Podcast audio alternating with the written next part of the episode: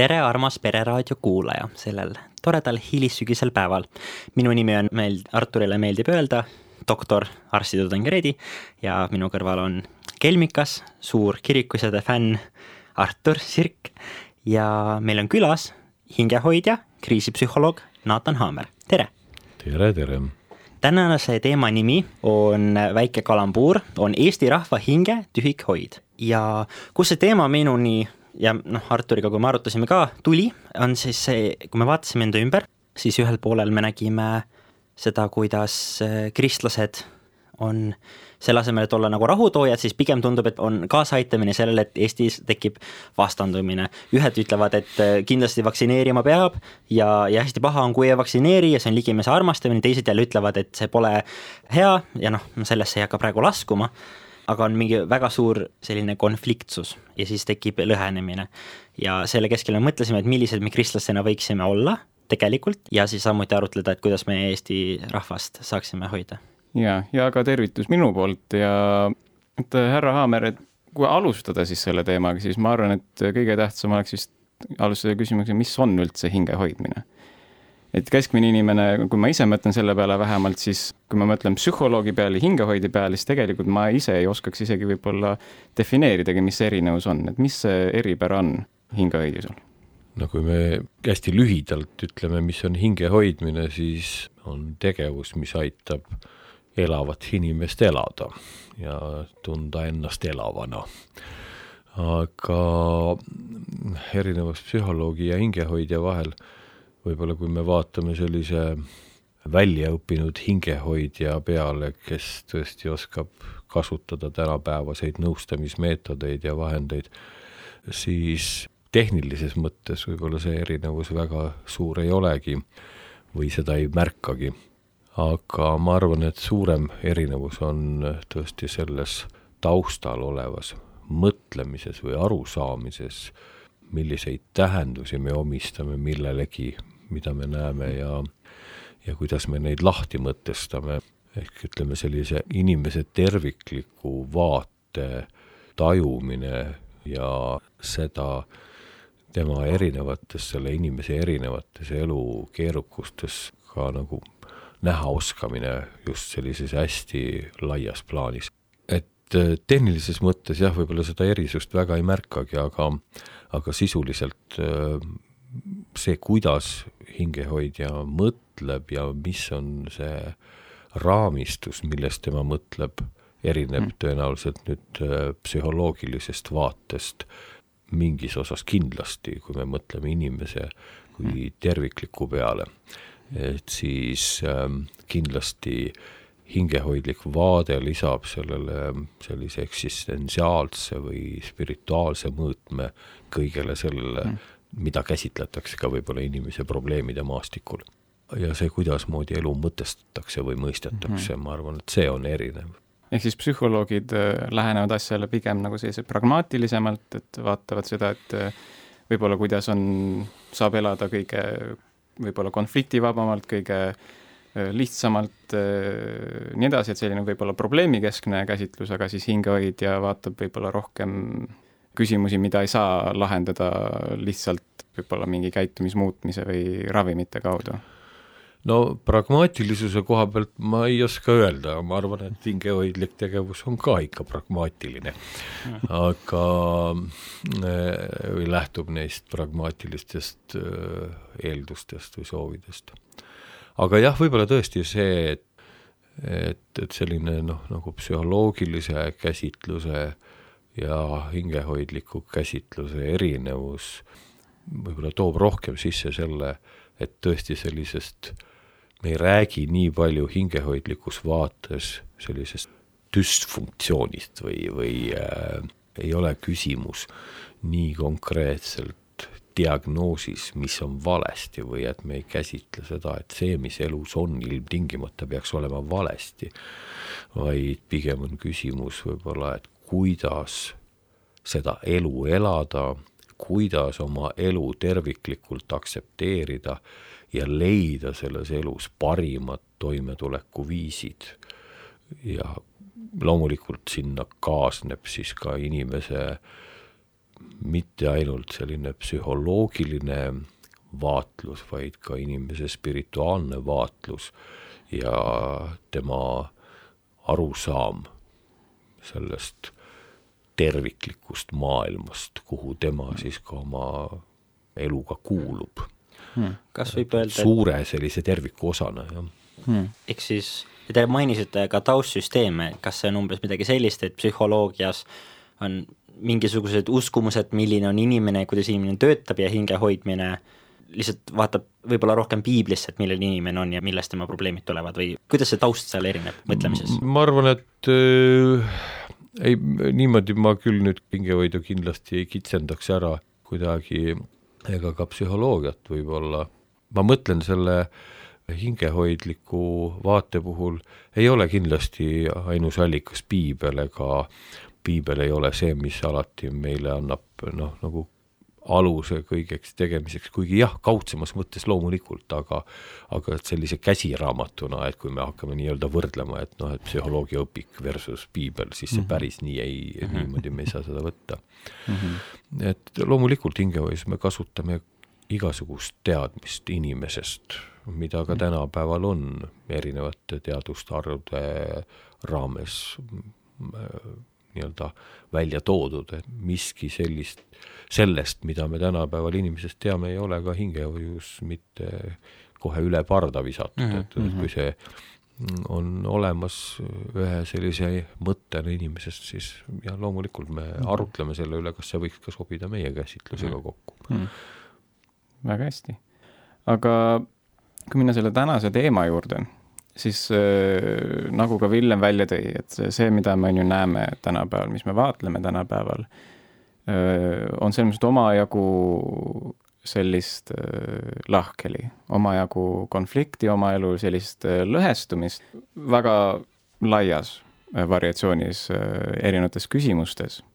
ja see kütab selles mõttes üles sellist teatud trotsi, teatud viha inimestes, olgu äh, mingi asja suunas või mingi, või üksteise suunas.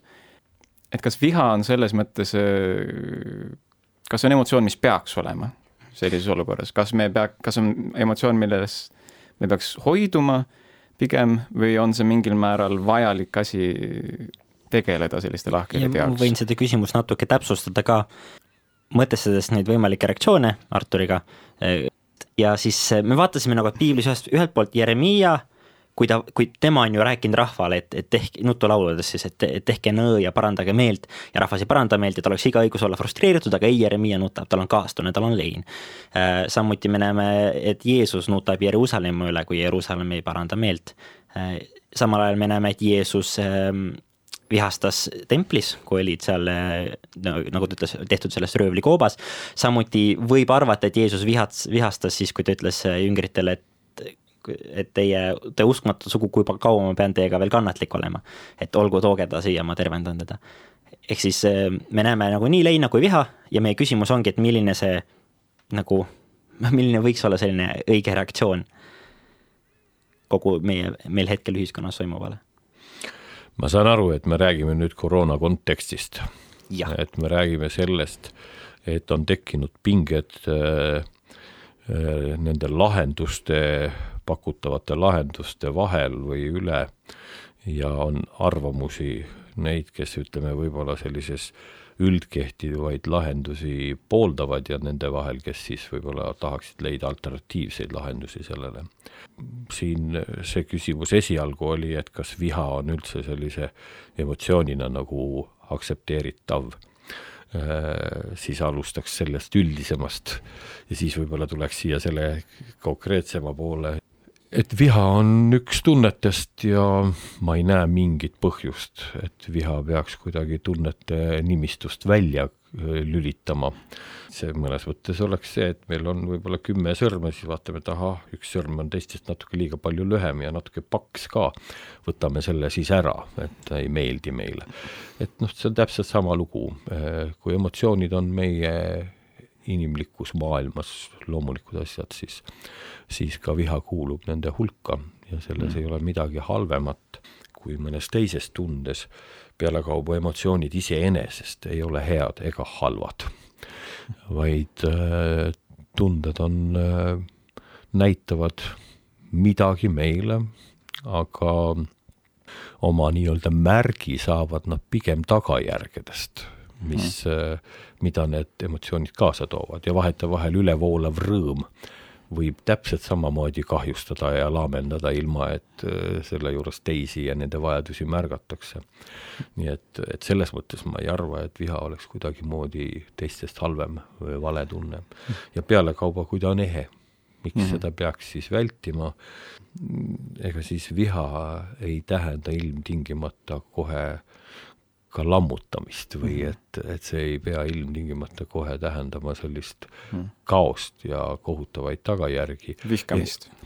jah, vihkamist ka ei pea tähendama muidugi mm kui viha õigel ajal väljendada, äh, siis ta väljub mõõdukatest kogustest, sama lugu, muide jälle võtame rõõmu, kui seda õigel ajal ja piisavalt ei saa väljendada, siis ühel hetkel võib ta küll üle piiride minna ja mm, -hmm. ja sellega võib juhtuda ka igasuguseid jamasid. või, või, või ka võtame kurbust, kui seda ei väljendata õigel hetkel siis võib sellest saada nii suur äng, et meil on seda väga keeruline taluda. aga tulles nüüd äh, selle juurde, koroona teema juurde ja nende vastandumiste juurde, mis konflikte toovad kaasa, noh esiteks tahaks öelda, et iga kriisiolukord ja see meil parasjagu on ülemaailmne kriis, toob kaasa pingeid, ärevus on nii ehk naa kõrgel, inimesed on palju tundlikumad kõige suhtes, mis ümberringi toimuvad, toimub ja loomulikult tõstab see üles ka selliseid kaitselisi reaktsioone. enamus inimesi üldiselt ei lahenda kriisiolukordi võitlusega ja vastandumisega, vaid pigem püüavad juhinduda üldistest printsiipidest ja kriisi lahenduse mõttes on see ka kõige kiirem ja kõige tõhusam, noh, kui me räägime nii-öelda tulemuslikust muutusest nii-öelda sobivate lahenduste poole, vähemalt mingil määral. kriisis ei ole olemas kunagi häid lahendusi, vaid on need lahendused, mida suudetakse nii-öelda tekitada mm, -hmm. genereerida või välja mõelda, sest kriisiolukord ei oleks, kui me teaksime, mis on õige. aga see ju teebki olukorra kriisiolukorraks, et me ei tea, mis on õige. me alles mm -hmm. oleme teel või alguses, kus me kompame mõnes mõttes pimeduses. ja me üritame leida midagi, mis äh, võiks pakkuda mingi suuna, kuhu poole liikuma hakata. see on igal juhul parem kui mitte millegi tegemine. ja kriisiolukorras peab keegi otsustama tavaline on muidugi see, et pärast saab ta ka vastu päid ja jalgu selle eest, kui ta on midagi otsustanud, aga keegi peab võtma selle vastutuse ja ütlema, teeme nii. sest et kui seda ei leita, siis kaos ainult kumuleerub, paisub ja ühel hetkel võib see kaos muutuda päriselt eluohtlikuks ja selleks, et seda mitte üle piiri lasta, peab keegi tegema mingeid otsuseid ja hakkama mingis suunas liikuma. ja loomulikult on enamasti neid, kes tulevad sellega kaasa, aga alati leidub neid, kellele tundub, et see ei ole äkki hea lahendus mm. -hmm. ja, ja loomulikult, kuna päriselt vastuseid ju ei ole, siis äh, on päris palju argumente, millega kõike seda ümber lükata. aga küsimus ei ole jah üldse selles, kas on õiged või valed vastused või lahendused, vaid küsimus on selles, et me peame midagi tegema mm -hmm. ja kuhugi suunas tuleb liikuda mm. -hmm. ja kui see on parim, mida me välja mõelda oskame, praeguste arvestuste kohaselt äh, kõige vähema kahjuga mm, -hmm. siis, siis me midagi teeme mm. -hmm. ja teeme siis seda, mida me oleme osanud välja mõelda mm. -hmm. nii et kannatlikkus tundub, on siis see kõi-, üks kõige tähtsamaid asju selle keskel no mingis mõttes, et me aktsepteerime seda, et, et tegu on kriisiolukorraga ja siin ei saagi olla täit tõde juba Mhm, teada. Me saame võib-olla rääkida sellest peale koroonat võib-olla aastakümneid hiljem ütelda, et ahah, vot see oli hea valik, see võib-olla ei olnud nii hea valik. Noh, valedeks valikuteks ei saa ühtegi koroonavalikut või ütleme, kriisivalikut kunagi pidada, sest nad on tehtud selles olukorras, kus me teadsime täpselt nii palju, kui teadsime. ja kui me räägime nüüd selles olukorras nagu konfliktist või sellisest äh, vihast ka, mis tekib reaktsioonina, et mõnes mõttes on see loomulik. konflikt on loomulik, viha on ka loomulik, ainult et, et see, mida mina sooviks, et ei oleks viha õhutamist Mm. keegi võib reageerida iseendast lähtuvalt ja oma tundetasandil, jaa, aga ma arvan, et kui me nüüd kristlastena mõtleme, siis vot viha õhutada ei oleks hea mõte. sest et siis me tekitame mõnes mõttes ka külmavame viha juurde. vihastamine iseenesest, protestis olemine, konfliktis olemine, iseenda mõtte ja tõe eest seismine on minu meelest täiesti normaalne ja loomulik enda kaitsmine ja ja enda elu eest seismine. aga kui me, kui me hakkame, kui me väitleme, on, ma arvan, ka okei okay.. jah, kui me väitleme, kui me vastandume oma arvamisega, aga kui me selles vastandumises läheme nagu vihaselt nii, et me kaasame teisi võitlusse, noh, siis see ei ole enam minu meelest mm -hmm. noh, nagu mingit moodi enam inimlik isegi mitte mm. -hmm kui nüüd leida ennast üheks nendest gruppidest, kas see grupp, kes siis äh, lähtub sellest äh, nii-öelda üldsusest, üldsusest, mis, mis me hetkel arvame, et on parim valik ja näeme, kuidas mingi inimgrupp ei tule sellega üldse kaasa, või oleme see inimgrupp, kes vaatab, et appi, üldsus läheb kaasa mingi ideega, aga see on ju väga halb idee, siis mis oleks nagu see selline hea emotsioon või jah, noh, tahes-tahtmata tekib mingisugune trots või, või tekib mingi kurbus ja, ja nagu ma tõin välja need Jeremiia näited ja, ja Jeesuse näited, et, et on neid erinevaid reaktsioone piiblis ka näha, aga milline selline hea, püha võib-olla või selline adekvaatne reaktsioon oleks, kui me näeme, et keegi teine teeb midagi, mis kohe üldse meile korda ei lähe, nagu selles näites, kus meil on need kaks inimgruppi. noh, ma muidugi kristlasena mõtlen, et eriti kui kriisiolukorras pakutakse mingi lahendus välja, loomulikult ma enesealul, alalhoiust lähtuvalt kaalutlen ja arutlen, kas see on ikka mõistlik ja kas ma seda ikka teen. Mm.. Ja noh, mingil määral on selge, et see enese alalhoiu instinkt hakkab tööle ja ma, kui ma ikka midagi väga kardan, noh, siis ma kardan ja, ja siis ma ka vastavalt oma hirmule reageerin. aga noh, mina jälle nagu isiklikult mõtlen, kui ma olen kristlane, siis äh, ma ei pea kartma ka mingit süsti näiteks, sellepärast et noh, okei okay,, võib-olla küll, et keegi on leidnud, et see võib ka kahju teha, kui aga jumal leiab, et minu aeg on nüüd siin ümber saanud, no ju siis nii on. et siis ma ei põgeneks selle eest nii ehk naa.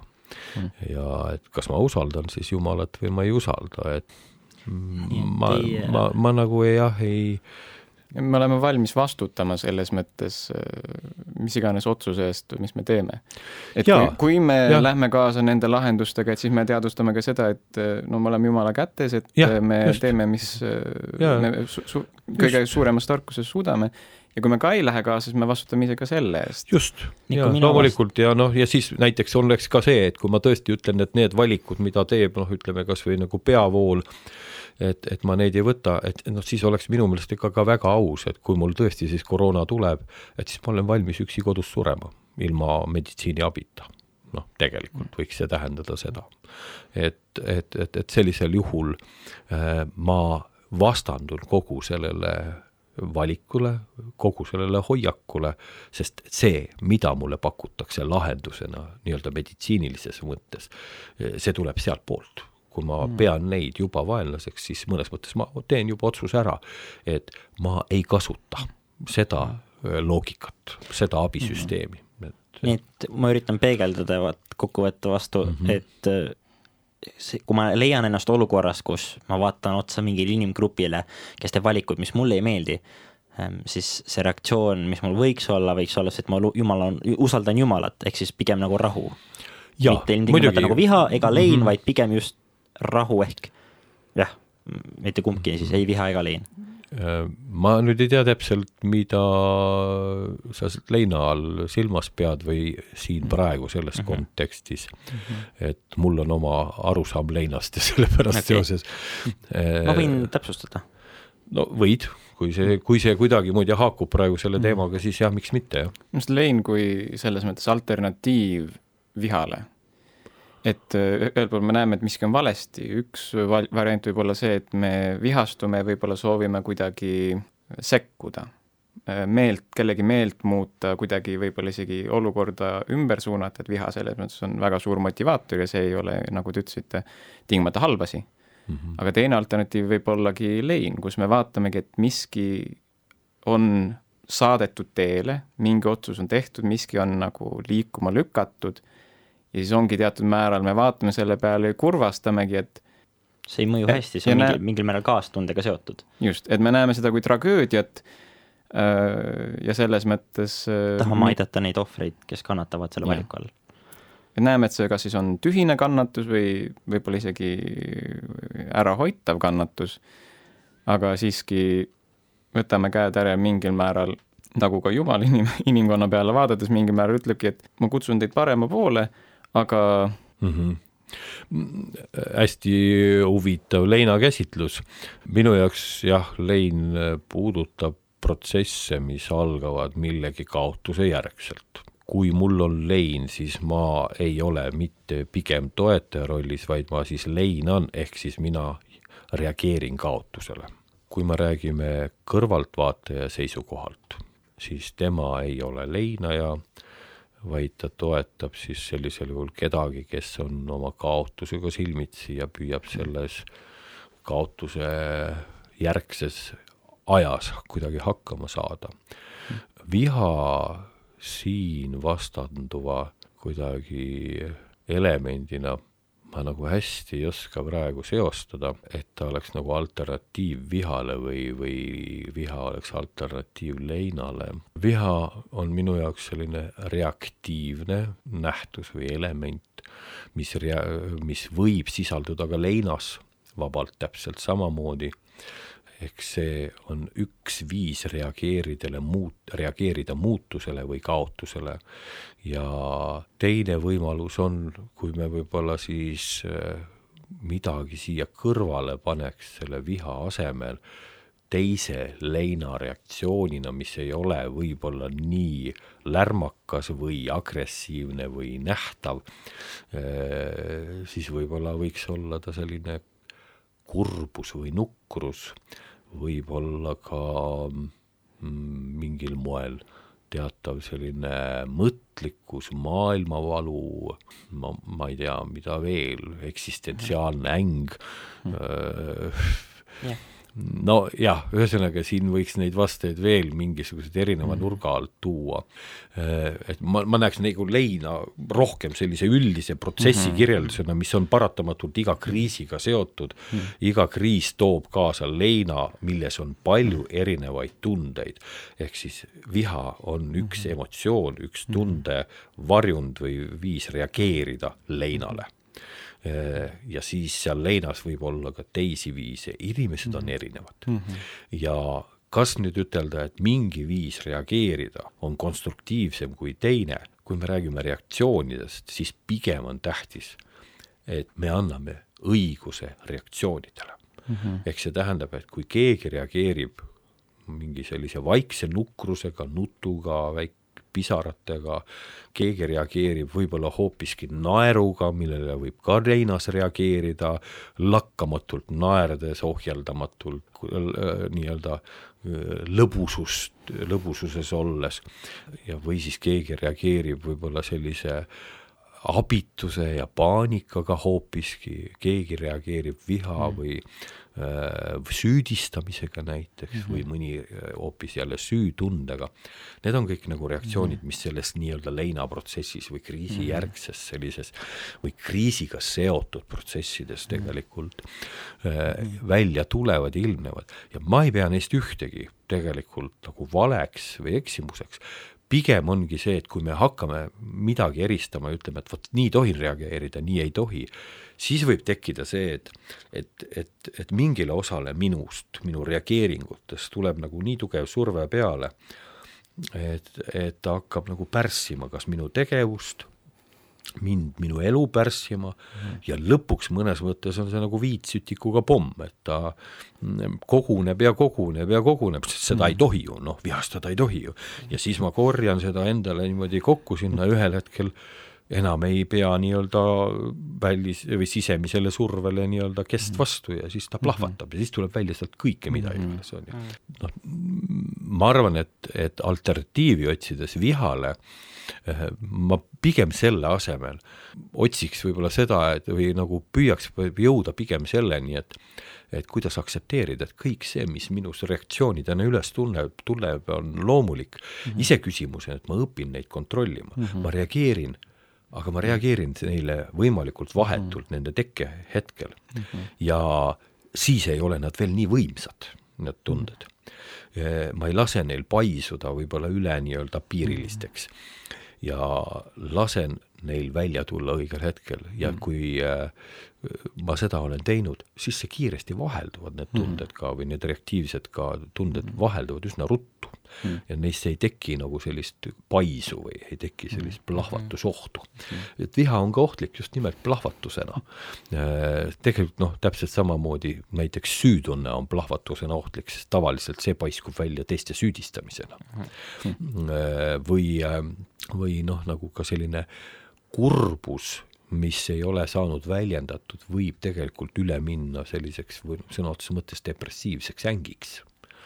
ja, ja nii edasi mm, -hmm. mis, mis on kõik lõppkokkuvõttes tulemusena väga mhm. kahjulikud inimesele, nii meile endile kui meie ümber olevatele mm. -hmm. ehk siis probleem ei olegi viha ise ei. mida me laialdaselt nagu näeme ühiskonnas, vaid pigem see, kuidas me seda käsitleme, kuidas me sellega toime tuleme. jaa, ja kas tal on õigus olla või ja. ta on juba ette välistatud ja mm -hmm. siis tal on tegelikult soodumus kumuleeruda. nii et kui ma avastan ennast nägemas teist leeri nii-öelda, siis, siis ma aktsepteerin kõiki tundeid, mis, mis mul tekivad. jaa, ja ma võin omalt poolt senikaua, kuni ma veel olen konstruktiivses meeles nii-öelda mm, -hmm. võin oma eriarvamust ka väljendada. ja, ja nagu ma enne ütlesin ka, et kriisiolukorras tegelikult sellised reaktsioonid on väga loomulikud ja et need on ka enesekaitselised mm -hmm.. noh, miks me ei peaks ennast kaitsma ja mm -hmm. inimeste Yeah. on erinevaid viise, kuidas ennast kaitsta. mõned mm. kaitsevad sellega, et nad teevad nii nagu teised eeskujul järgi ja see ei ole halvem kui need, kes teevad teistmoodi mm. eeskujudele vastandudes. et, et see on lihtsalt erinev mm. lähenemine, erinev mm. viis, kuidas keegi mm. oskab, suudab olukorda mm. lahendada. ja pärast tulemusena muide ei saa öelda, kumb on parema tee valinud mm me jõuame otsadega väga praktilisse rakendustesse juba, aga me tahame selle juurde veel natukene hiljem tagasi tulla. enne seda, kui me sinna jõuame, siis me tahaks natuke nii-öelda diagnostikat teha, et miks me üldse oleme siin, kus me oleme mm. -hmm. nii et ma lasen Arturil teha väikese teemavahetuse ja võib-olla vahelaulu. jah, jah, ehk siis äh, nüüd tuleb väike siis vahepala ja me äh, oleme kohe mõne minuti pärast tagasi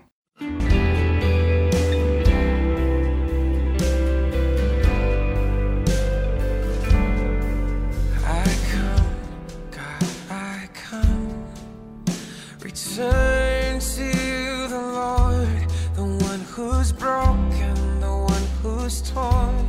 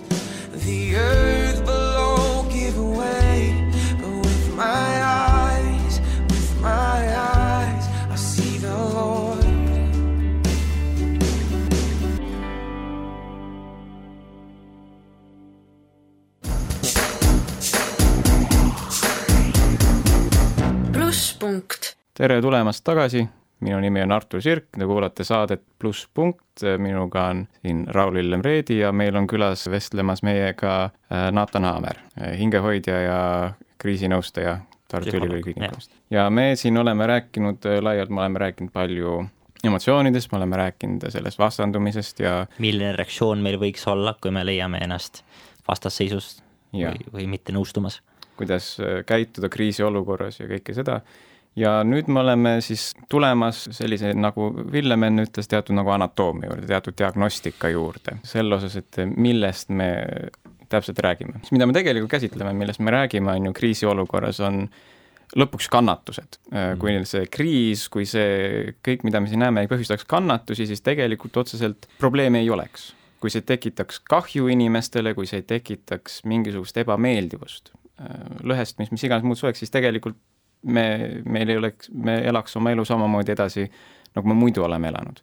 aga kuna kannatused on, siis äh, meil on noh, vaja tegeleda sellega, kas kuidagi hoida seda kannatust ära või tulla toime se selle kannatusega. ja selles ooperis, kui ma võin tsiteerida teid ennast, Naatan Haamer, siis äh, te olete öelnud niimoodi Plektrumi saates esimese laine ajal, et kannatused võivad olla ka ajendiks edasi liikuda. Ühegi inimese elu ei ole päris ilma kannatusteta, ütles hingenõustaja. kannatused kasvatavad meid, vääristavad meid omal moel. Nad toovad välja enama läbinägemisvõime elu suhtes. kasvab meie mõistmise ja mõtestamise võime. selle tsitaadi pealt on selline küsimus et meil on, nagu Artur praegu ilusti ütles, ühiskonnas üsna palju kannatusi. kes kaotab oma elu, kes kaotab oma lähedased, kes kaotab piirangute tõttu oma töö või teatud vabadused, mida ta varem väga väärtustas. Paljud kannatavad, aga kas me siis olemegi nüüd ühiskonnaga õigel trajektooril, olemas kannatustes, selles lõhestumises, kus me oleme, kas see peabki nii olema? kummas siis, kas lõhestumises või kannatustes et ähm, ma teeks siia hästi olulise vahe või õigemini lõhestumine võib muidugi tuua kaasa kanna-, veel ka lisaks kannatusi. kas me oleme õigel trajektooril? ma arvan, et kõik see, mis toimub, jaa, mina usun küll, et see on kui see on tänase maailma osa, siis see on selle põlvkonna kannatuste aeg.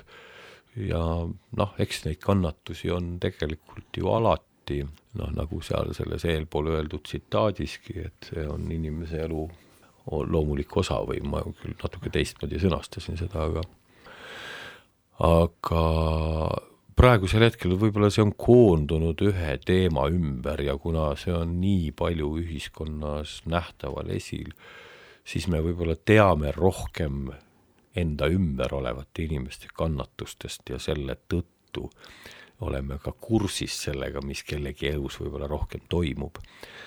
aga ma olen ikka jätkuvalt seda meelt, et kannatustel on ka meie elu vääristav mõju mm.. jah, et see, ma arvan, ei ole muutunud mm. ja küsimus ei ole nagu kannatuste mastaabis, vaid igal kannatusel, olgu see siis väike või suur, on mingi tähendus meie jaoks, aga mm. muidugi see eeldab meie vaim, valmisolekut reaalsusele otsa vaadata, selle vastu mitte protesteerida või jonnida, vaid see vastu võtta ja siis õppida sellest, tegema oma, teha oma järeldused ja, ja õppida oma elu muutuste valguses uuesti korraldama mm.. ja see, mis te välja tõite ka, et no parafraseerisid, et mitte nagu sattuda trotsi elu osas mm. -hmm. Te olete ka öelnud, et mitte sa-, mõelda, et ma olen nüüd elu ohver mm -hmm. kuidagiviisi, vaid et elu on, mis ta on, maailm on, mis ta on, reaalsus on selline, nagu ta on ja reaalsus selles mõttes kuidagi muuta ei saa, loodusseadused on, nagu mm nad on, meie hinged, meie keha, kõik. jaa, me võime näha ennast kannatustele mõeldes kahte moodi ja tõepoolest, üks on see elu ohvriks olemine, kus mulle on ülekohtuselt osaks saanud mingi koorem, mingi kannatus või et mind ei ole mõistetud ja mulle on nii-öelda jäetud liiga suurem koorem kanda või minu suhtes ollakse ebaõiglane olnud või mis iganes. ja teine võimalus on näha, et see, mis minu maailmas on juhtunud, on mulle võimalus. ja ma küsin, kuidas ma nüüd siit siis edasi lähen. mida ma sellega peale hakkan, mille võrra ma nüüd olen rikkam. Ja ma saan aru, et selleni jõudmine ei ole üldse lihtne. mina oma igapäevatöös tegelen just nimelt sellega suuresti, kuidas jõuda väikeste sammude haaval nii palju edasi, et ma hakkaksin võtma vastu oma elu sellisena, nagu ta mul on ja mitte selle vastu protesteerima, vaid kasutama seda ressursina või nii-öelda uue võimaluse lättena. Suunata see lõpuks paremasse suunda. absoluutselt, see me... ongi see eesmärk, et ma ei pea nagu nägema elu, vot see, millest me ennem rääkisime ka, et kas näha elu selliste düsfunktsionaalsete öö, probleemide jadana või näha elu kui uute võimaluste ja väljakutsete nii-öelda reana, milles on tegelikult võimalus inimesena liikuda järjest noh, ma ei tea, täiuslikuma poole võib-olla liiga palju öeldud, aga aga, aga mõnes mõttes jah, nagu paremaks ja mm. ja, ja nagu ma seal selles tsitaadis kasutasin, nagu elu suhtes läbinägevamaks või mm. või avaramaks muutumise suunas mm. -hmm. ja mina ütleks, et siin ka natukene nagu võiks mõelda, et ka Jumalale ligemale ju siis, kui me rohkem rõõmustame sellest maailmast, kui mm -hmm. selle üle kurvastame või selle vastu protesteerime ja jonnime -hmm.. noh, et aktsepteerides, vastu võttes seda elu ja seda mm -hmm. oma osa, on rõõmustamise võimalusi rohkem mm. -hmm protesteerides paraku neid ei ole. et säilitada seda lootust enda sees, et äh, midagi, mida head see lõpuks ikkagi toob. ja, ja seal... lootuse säilitamine on üks väga oluline aspekt. Et säilitada lootus ka siis, kui kõik need nii-öelda tüüpilised parameetrid, mida me lootusega seome, on otsa saanud või otsa saamas. Mm. -hmm ja see ongi, ma arvan, üks elu keerukus, kuidas leida selles kõiges ikkagi lootus ülesse. Ja noh, ma arvan, et see mm. võiks olla kristlasele selline no väljakutse, aga jõukohane väljakutse. Ja mingil määral isegi, no nagu te ütlesite, on ju, me kannatame igal juhul ja meie loomulik reaktsioon selles mõttes on noh, sattuda trotsi, sattuda mingisugusesse kibestusse või tänamatusesse selle kõige keskel. aga mingil määral, kui mõelda loogiliselt selle üle, me tegelikult külvame endale kannatusi juurde sellega mm.. ja me, me, me, meile tuleb mingi kannatus, mis on paratamatu, siis meil on valik. kas me pöörame selle kuidagi millekski paremaks, kas me nii-öelda kannatame selle ära ja proovime nii-öelda saada no nagu Peetrus kasutab seda keelt, et kasvada sarnasemaks Kristuse surma ja tema kannatustega. Kristus samuti kannatas siin elus ja mm -hmm.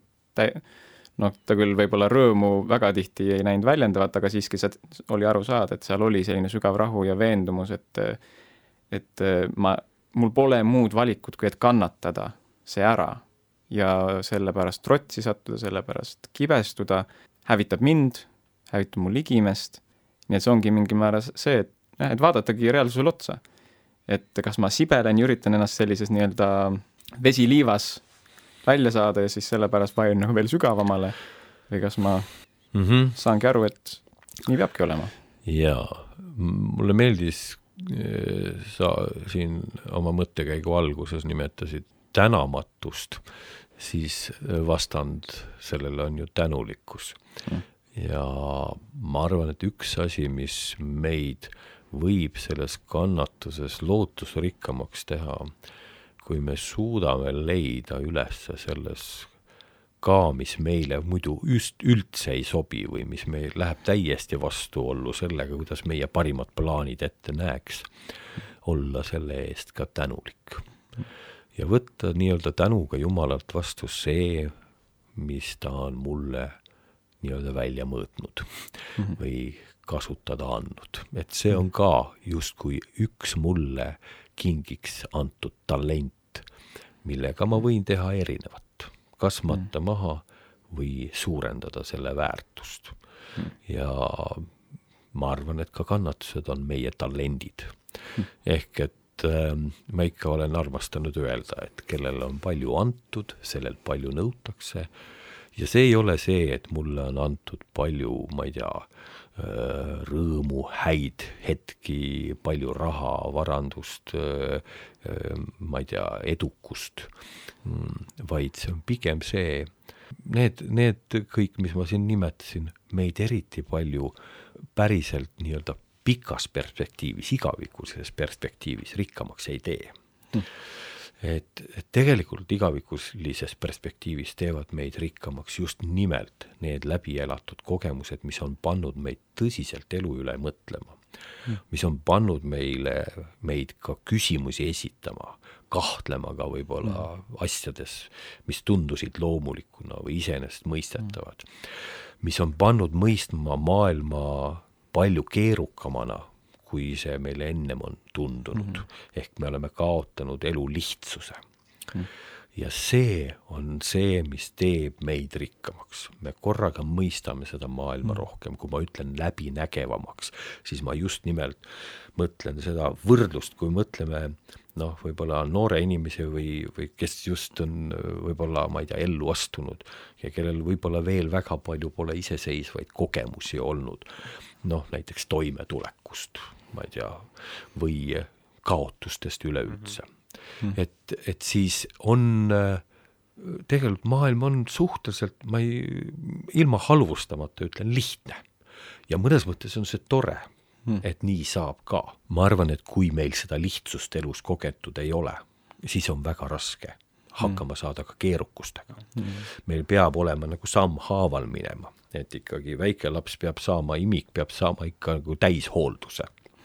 See peab olema nii lihtne, et ta ainult teeb suu lahti ja imeb.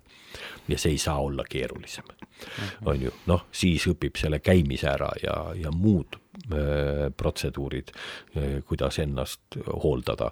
Äh, ja, ja siis ta hakkab võib-olla õppima mingil hetkel veel keerukaid mõtteid mm, -hmm. mõtlema koolis eeldatakse talle meeldejätmist ja nii edasi. see kõik tuleb sammhaaval, see ei saa tulla kõik korraga kätte. Et selles mõttes on see hästi loomulik, aga me kogu elu liigume sellise järjest rohkem tegelikult seda keerukat maailma tajuma hakates sammhaaval ja seal avastusi tehes, mis tegelikult avardab meie vaadet. ja nüüd ongi probleem, et kui see, mis peaks avardama meie vaadet, need kogemused, need kannatused, katsumused, hoopis kitsendavad. Ehk et kui me protesteerime selle vastu, siis me jääme kinni sellesse sündmusesse mm. Ja keskendume sellele, mis juhtus ja arutleme selle üle, kuidas see küll juhtuda sai ja kui vale see kõik on ja kuidas see ei oleks tohtinud juhtuda aga me ei vaata seda, mis võiks avaruse anda mida see mulle näitas, mida see mulle õpetas, milliseid võimalusi ta mulle avas mismoodi ma võin nüüd hoopis uutmoodi asjadest aru saada. et need on need asjad, mida me siis jätame kasutamata. Ja nüüd ongi see, et kui meile on see talent antud, on ju, kas ma keskendun sellele, mõtle, läigib, ai, nüüd muutub tuhmimaks. Ei, see mulle ei meeldi, see läige on vale läige. Ja keskendun sellele, mõtlemata mm, -hmm. mida sellega tegema peaks, selle talentiga. Mm. -hmm. aga miks me lähme sinna valesse reaktsiooni, kui tulla tagasi selle anatoomia või diagnostika juurde ma ei tea, kas see küll anatoomiline on, aga, aga ma arvan, et eks siin on seesama enne nimetatud omal moel see enesealalhoiude instinkt ühtpidi, et eks me püüame leida lahendusi, aga kui neid lahendusi ei ole, eh, siis, siis haarame kinni sellest, mida me oskame. Ja noh, eh, vaadelda seda situatsiooni me oskame, me ketrame seda uuesti oma mõttes, me kirjeldame seda ja see on nagu tundub mhm. lihtne ja sellest me saame aru. Mhm. ja siis selle pealt fantaseerida olekseid, kuidas oleks võinud või mhm. miks see on nii või mis iganes. siis me ikkagi keskendume sellele ja ma arvan, et see nüüd võib-olla see minusuguste töö ongi, et aidata inimest tegelikult sellest nagu kaks sammu eemale või kolm sammu eemale astuda. ja seda mitte ainult minusugused eh, professionaalselt seda tööd tegevad, vaid tegelikult igaüks meist võiks olla keegi kellegi kõrval nii-öelda ligemine, kes ütleb, et kuule, ole hea, astume paar sammu eemale, vaatame seda nüüd natuke kaugemalt ja teise nurga alt mm. ehk et, et mis seal veel on, peale selle, et noh, see münt läigib, on ju mm, -hmm. vaid või, või, või see mingi asi torgib mm. -hmm. et, et me katsume sellele anda ka veel nagu mm. laiema vaate. ja sind kuulates mul, see paneb mind mõtlema selle peale, et üks äh, suuri nii-öelda maadlemisküsimusi, olgu teoloogide või filosoofide jaoks, on olnud see, et miks pattu langemine üldse juhtus. Mhm. miks Jumal seda ära ei hoidnud, miks äh, ta ei teinud niiviisi, et noh, see kõik kannatus, mis on olnud, oleks ära jäänud ja see, mis te kirjeldasite, ma arvan, on väga, kirjeldab seda mõtteviga võib-olla, mis me teeme, mõeldes pattu langemisele, vaatame kõike seda valu, kõik seda tra-, tragöödiat, kõik, mis on valesti läinud, ja üritame ainult sellele keskendudes aru saada selle kõige mõttelisust või mõttekust. kuigi reaalsuses me peaksime vaatama just seda laiemat pilti, et äh, mis me saame teha selle kannatusega. jaa, väga hea tähelepanek, ma arvan jah, et meie mure või probleem on tihtipeale see, et me üritame seda hästi mitmekihilist äh, Jumala maailma oma lineaarsesse maailma paigutada ja üritame põhjus-tagajärg seostes seda kõike ära seletada, mis on võimatu, täiesti võimatu. Jeesus ka mitmel pool lõikab selle nii-öelda läbi mm, nende inimlike lineaarsete oletuste või järelduste mõttekäigud.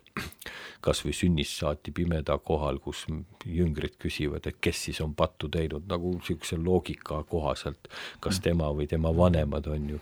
Jeesus vastus on täiesti, tõstab sellest välja ei tema ega tema vanemad, vaid et Jumala teod saaksid avalikuks mm. -hmm. täiesti, täiesti teine see on out of box, ütleme niimoodi, see on, täiesti teine jah, maailm. see on tegelikult meie lugu Päev ühest ju, kui me mõtleme järele, siis Aadam ja Eeva samamoodi, et tahtsid kõigest aru saada ja siis sellepärast sõid hea ja kurja tundmise vilja.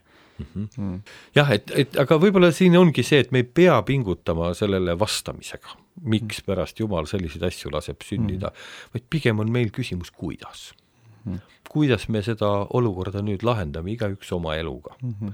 ja kuidas me leiame selle parima viisi mm -hmm. tõesti seda, mis meie kätte mm -hmm. on kingituseks antud, see elu mm -hmm. nii-öelda kasutada mm. -hmm ja, ja ma arvan, et see ei ole kindlasti mõeldud äh, vaevaks ja koormaks mm.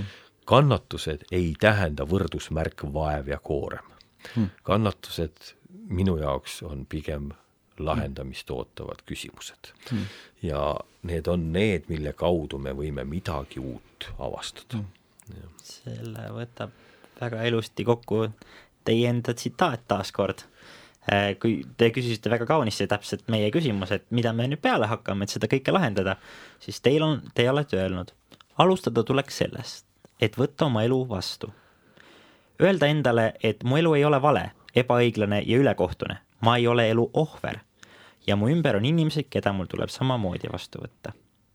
jaa, no olen ikka endiselt nõus sellega. ja siis seal ongi kui, kui vaadatagi nagu ta-, esimese Moose nii-öelda esimestesse peatükkidesse, siis mingil määral sealt paistabki välja kogu meie eksistentsi küsimus selles mõttes, Aadam ja Eeva on ju meie nii-öelda esivanemad olid need, kes nii-öelda tegid mingi vea, andsid meile, on ju, selle kannatusi täis maailma, mis meil on, siis sul on, on ju, sul on Kain ja sul on Aabel.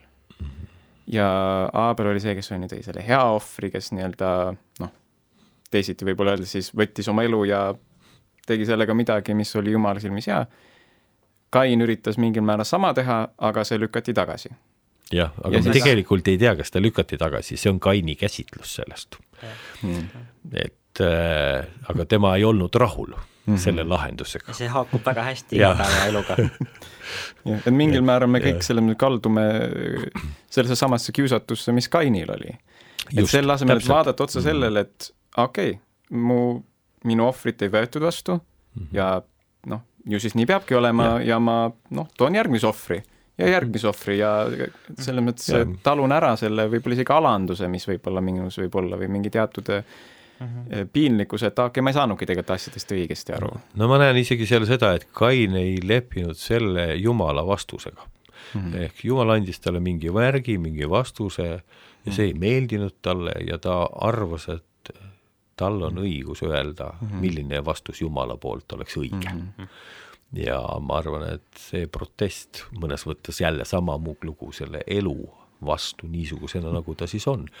ja me tegelikult tõenäoliselt mm, võtame ikkagi omaks selle Kaini tõlgenduse nii-öelda või kainiliku tõlgenduse, et et see tähendas, et Jumal ei võta vastu või Jumal ei armasta mind mm. -hmm. tegelikult ju kui me vaatame seda lugu edasi, siis Jumal väga hoolis Kainist on ju, ja kaitses teda jätkuvalt, see ei tähendanud, et ta oleks hüljanud Kaini.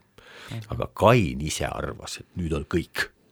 On ju, ja tema hmm. tõlgendas seda ja see on see, hmm. vot seesama meie asi mm, -hmm. meie nii-öelda pidev selline eksimus, milleks mm -hmm. otsa me satume, kui me ellu satuvad sellised asjad, mis ei lähe päris meie plaani järgi, siis me kohe tundub, kõik läbi mm. Jumal ei armasta mind, on ju, et mm -hmm. ma ei kõlba Jumalale või ma ei mm -hmm. kõlba sellele elule või mis iganes mm. tuttav tunne.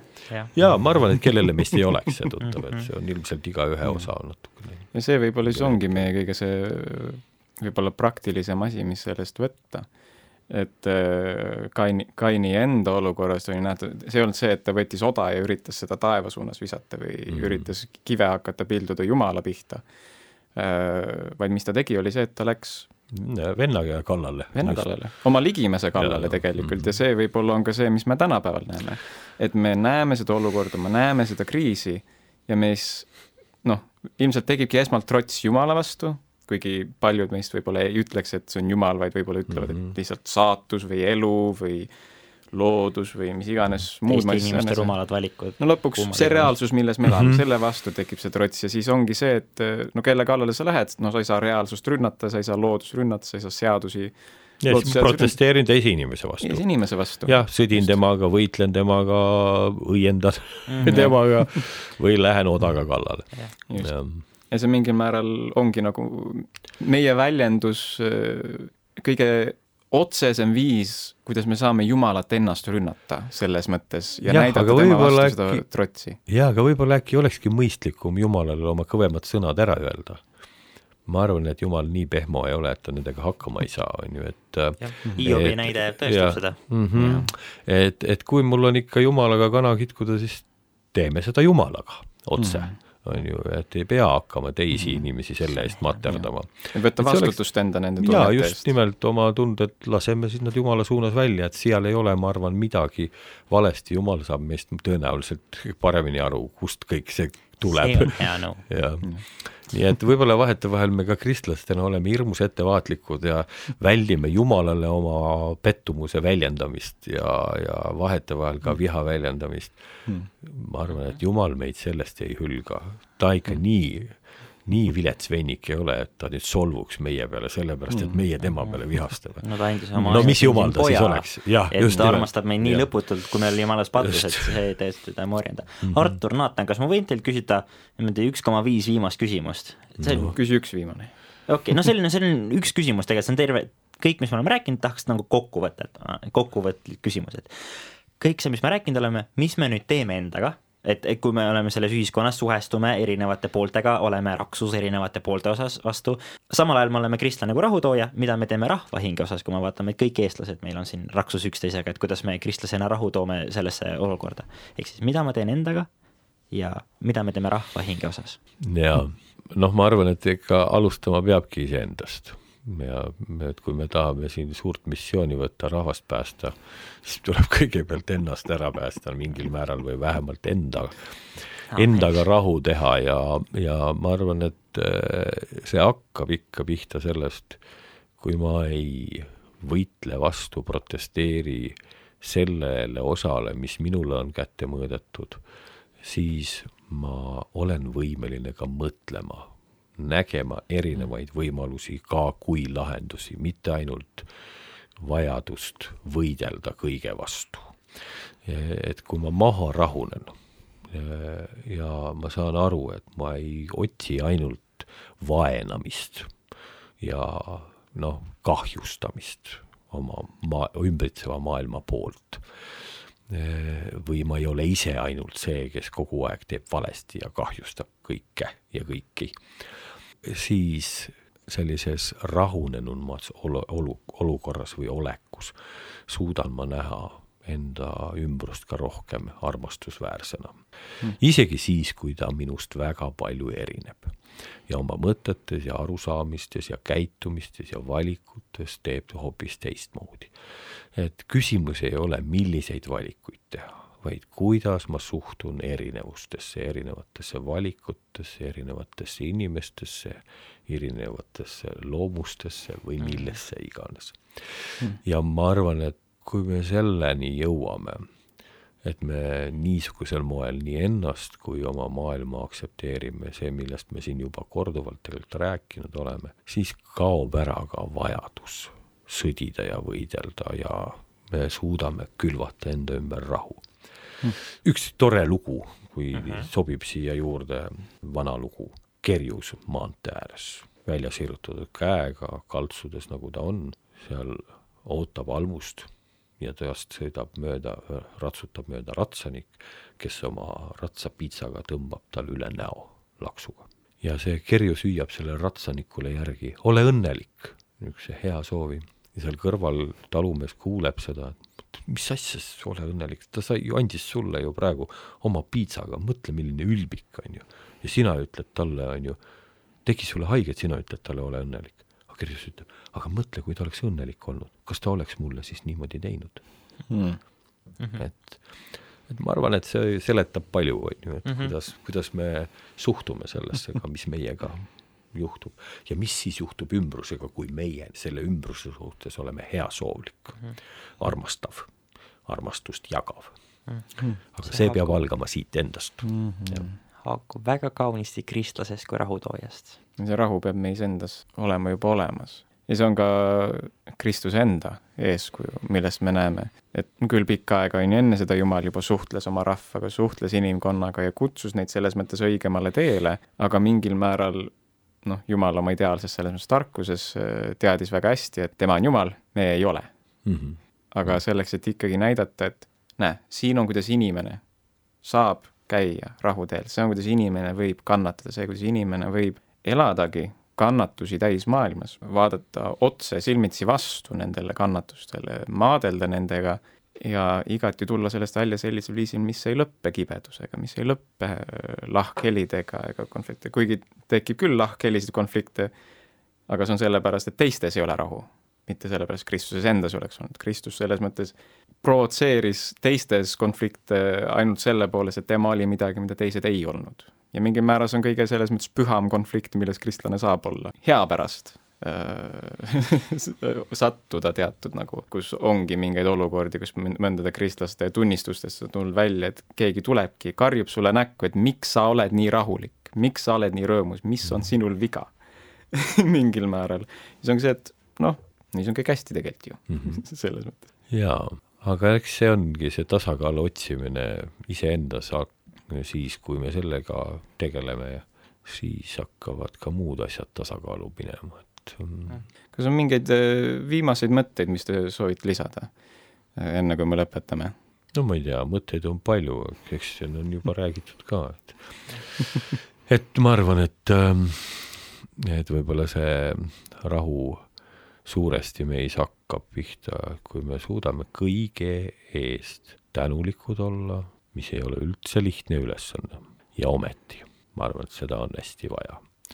tänulikud olla, siis me hakkame mõistma ka, mis on selle väärtus. jah, ja enda ümber ka neid, kes võib-olla nii ei käitu, nagu meile võib-olla õige tunduks, neid õnnistada hmm.. tänamine ja õnnistamine nii nagu see kerjus ja. soovides ja õnne, õnnelik olemist.